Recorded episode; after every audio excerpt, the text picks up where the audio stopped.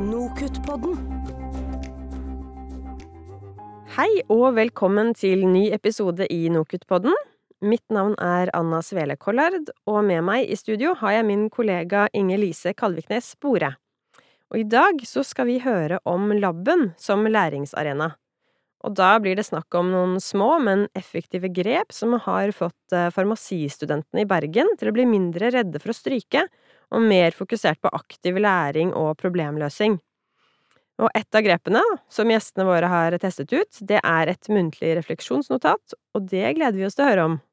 Det gjør vi. Med oss i episoden har vi Åse Merete Raddum, som er førsteamanuensis i klinisk eller galenisk farmasi ved Universitetet i Bergen. Velkommen til deg, Åse.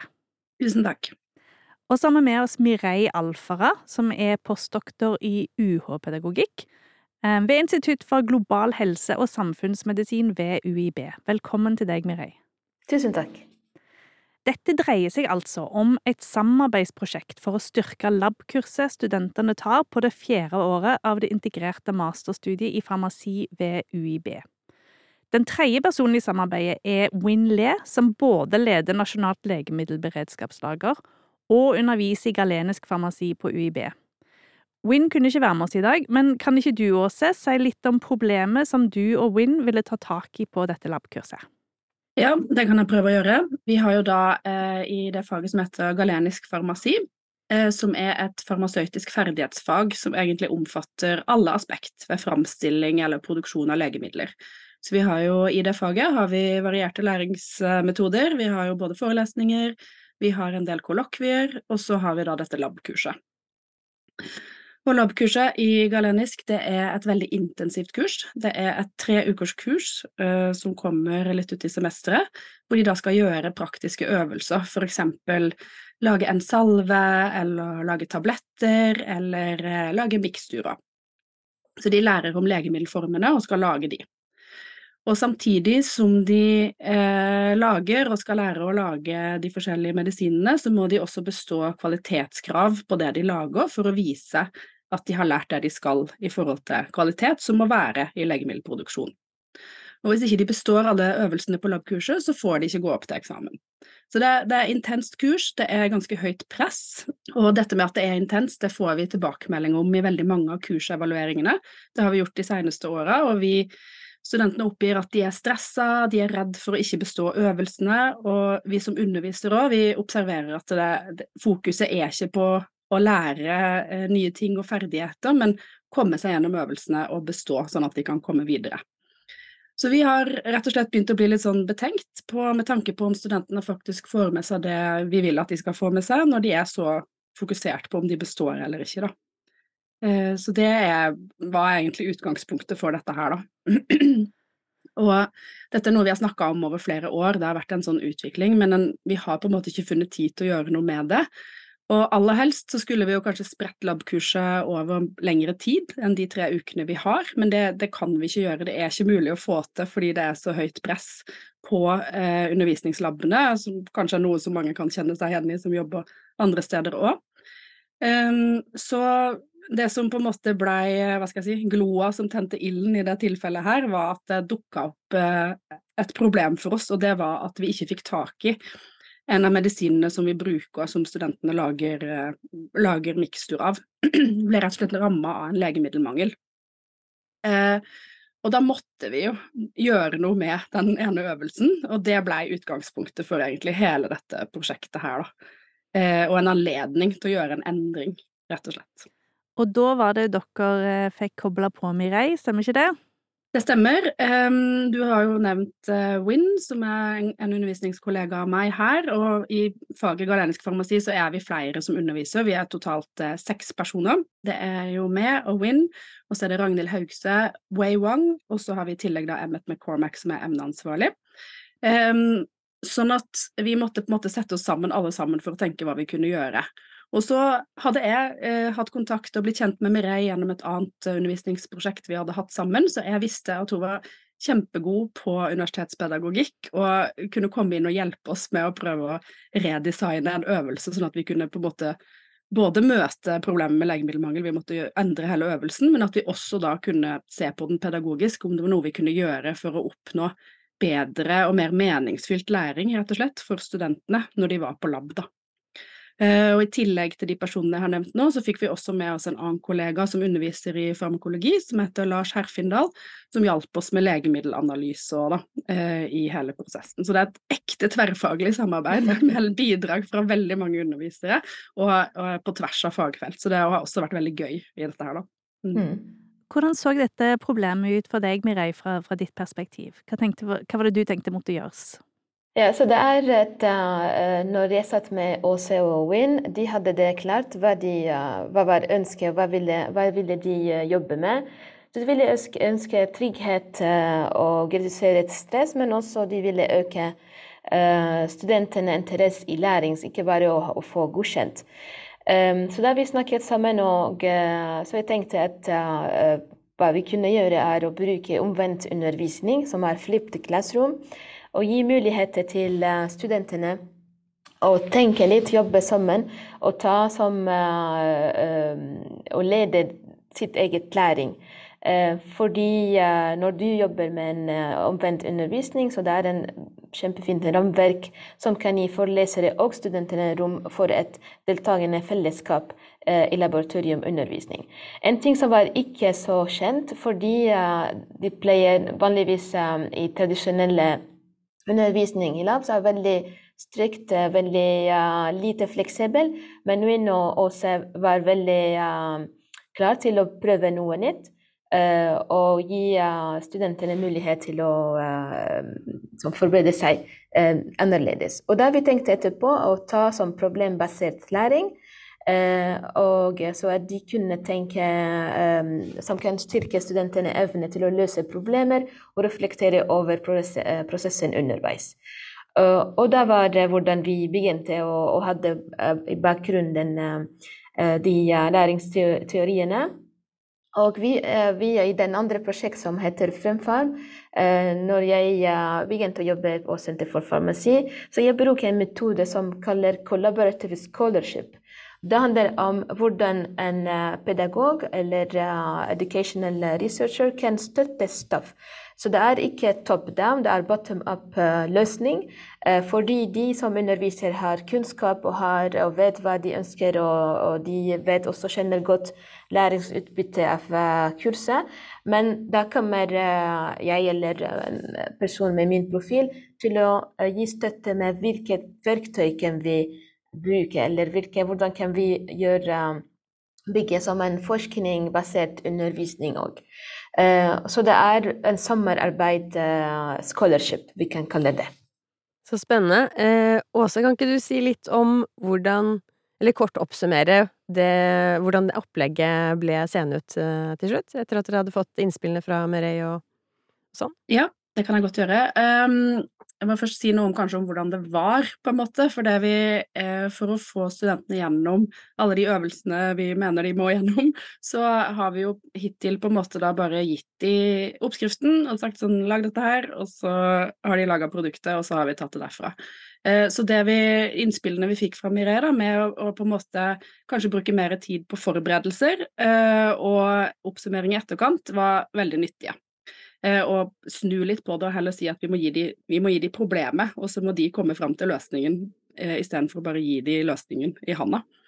Um, og det falt jo også veldig fint inn med det der at vi visste at vi kunne ikke gjøre noe med tida vi hadde på laben, den var veldig fast. Eh, og det betydde jo at det vi kunne gjøre noe med, det var forberedelsene i forkant og diskusjonen i etterkant.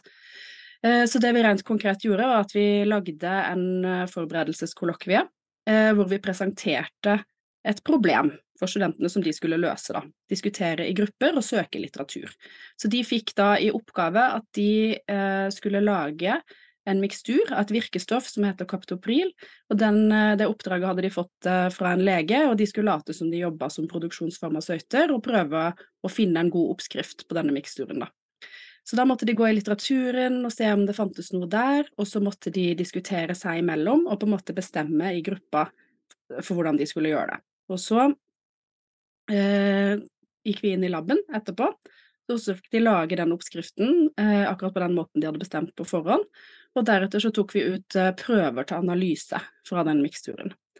Og så tok vi ut prøver da, en sånn det vi kaller for en nullprøve, altså med en gang han var laga. Og så lot vi de stå i en uke, og så tok vi ut prøver igjen etterpå. Eh, og det vi ville vise da, var jo å se om på en måte eh, virkestoffet eventuelt ble degradert eh, eller brutt ned, og om det eventuelt var forskjeller på de ulike oppskriftene som de hadde laget. da.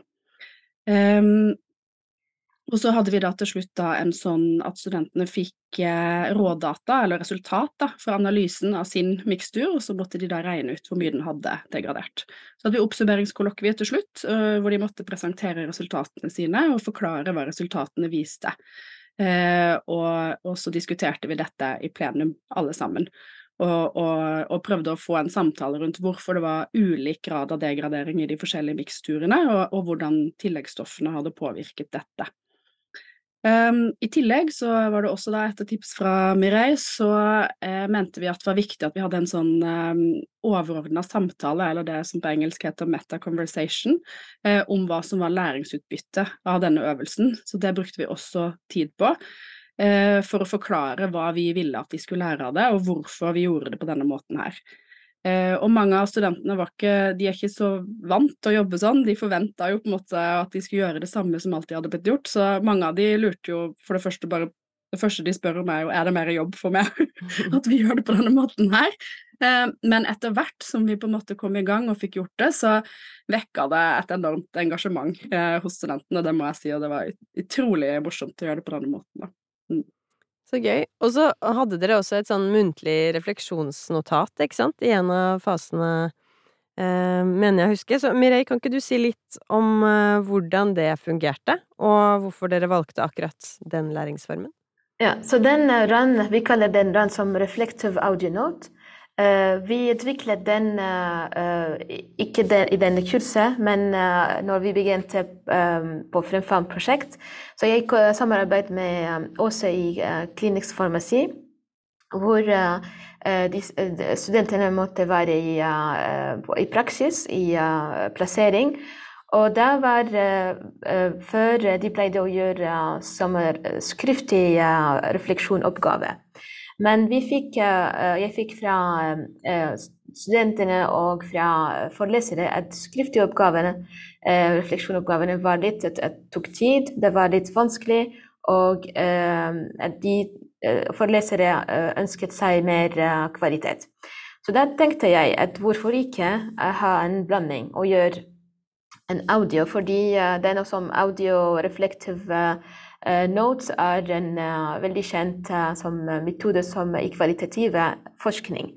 Så du samler data, så det er litt reflektering om spesielt hvis du er på uh, fieldwork og du skal ta Så da tenkte jeg den kunne være òg vi kan strukturere det, og vi brukte Colb Experiential Learning Cycle til å strukturere den run, og det gikk kjempebra med fjerde studentene i klinisk farmasi. Vi, vi vurderte den um, verktøy som vi utviklet. Og da vi fikk uh, veldig gode uh, tilbakemeldinger fra studentene og fra uh, forelesere. Og vi tenkte at vi kunne bruke det til å samle data mens de jobber i kurset. Så da vi bestemte oss om å ha før, før kurset, postkurset som refleksjonsnotat, men også at de skulle gjøre en til hver, hver dag. Uh, og det var strukturert, så det, var, det betyr at um, også when vi de ga studentene uh, veldig uh, som spørsmål. Og den RAN er veldig viktig å vite. Det er bare to minutter. Som maks to minutter. og det gikk kjempebra. Vi forventet ikke at vi kunne også bruke den til å forberede kurset. Fordi når vi også og Win hørte på de første RAN uh, før kurset, altså da vi spurte de om forventningen. Så da vi kunne forberede litt mer og vite hva, tenker, hva studentene er bekymret for, eller hva tenker de, hva forventer de. Som vi forventet egentlig, alle var bekymret å få godkjent. Fordi det var tenkningen at de ville bare få godkjent. alle, Nesten alle sa at de gikk gjennom uh, ressurser som var på uh, vårt uh, learning management system, på, på vårt Canva. At alle sa at jeg gjorde hva jeg skulle gjøre, forberede meg til kurset. Men alle var litt sånn. Så det var en stor hjelp til Win og Åse når de hørte på det, at de kan dagen etter gi tilbakemelding til studentene. Og med RAN vi får en ting til som vi kan ikke få på skriftlig, som er følelser. Fordi vi kan høre uh, hva eh, tenker eh, um, de studentene, eller også de gjør som selvevaluering til seg selv. Så det er et ganske interessant uh, verktøy som vi uh, bruk, bruker i vårt undervisning nå. Og vi, vi holder på å skrive en paper om det, fordi vi har samlet tre år og samling data. Eh, ja, så det kommer. Mm. altså, jeg har bare lyst til å skyte inn her at uh, jeg la merke til at noe av poenget var også å gjøre det så enkelt som mulig. uh, fikk jeg inntrykk av at det liksom, studentene skulle svare på ganske sånn konkrete og korte spørsmål, og som du sa, skulle bare vare i to minutter, ikke sant? Ja. Mm. Det er veldig lett å bruke, og de, ta, de trenger ikke gå hjem og skrive og sitte og tenke. Så det er en um, uh, som immediate uh, refleksjon som de kan reflektere over dagen eller uh, tenke på uh, sitt læring. Og de, de resultatene som vi fikk etter kurset, veldig interessant, er at de, vi, kan se, vi kan se at de endret på, litt på de økte trygghet, eller som confidence. Også de tenkte på hva har de lært, og det var viktig, hvor viktig var det å jobbe sammen. Hvor viktig er det eh, de alle som eh, ferdigheter som de lærte i kurset, som kan være nyttig til framtida. Så det er også Vi kan se høre på endring um, i, eh, ja, i læring. Som du har vært inne på, Mireille, så er jo dette et forskningsbasert opplegg. Og dere har samla inn data og analysert. Kan du fortelle litt mer om, om hvordan dere har gått fram her? Ja, vi har den uh, spørreskjema som vi uh, utviklet. Så er, uh, det er en fra, som vi adapterte til vårt kontekst. også jeg gjort observasjon i lab, hvor jeg satt og observerte hvordan det gikk med de. Og etterpå vi gjort fokusgruppe med studentene og vi brukte den reflective audio notes også til å samle, å samle data. Så det er uh, ganske interessant og som et felles jobb, fordi uh, Win, Åse og meg selv vi jobbet sammen med analysering, og uh, um, vi gikk gjennom alle data som vi, som vi samlet. og vi har med oss våre kollegaer som også skal uh, bli med etterpå. Fordi vi allerede skrevet en uh, draft til en paper, uh, og da vi venter på litt feedback fra resten av um, vårt team. Åse, hva sier datamaterialet om, om hvordan dette har gått? Det, dere, kjenner dere igjen det som er i datamaterialet, for deres egne inntrykk underveis?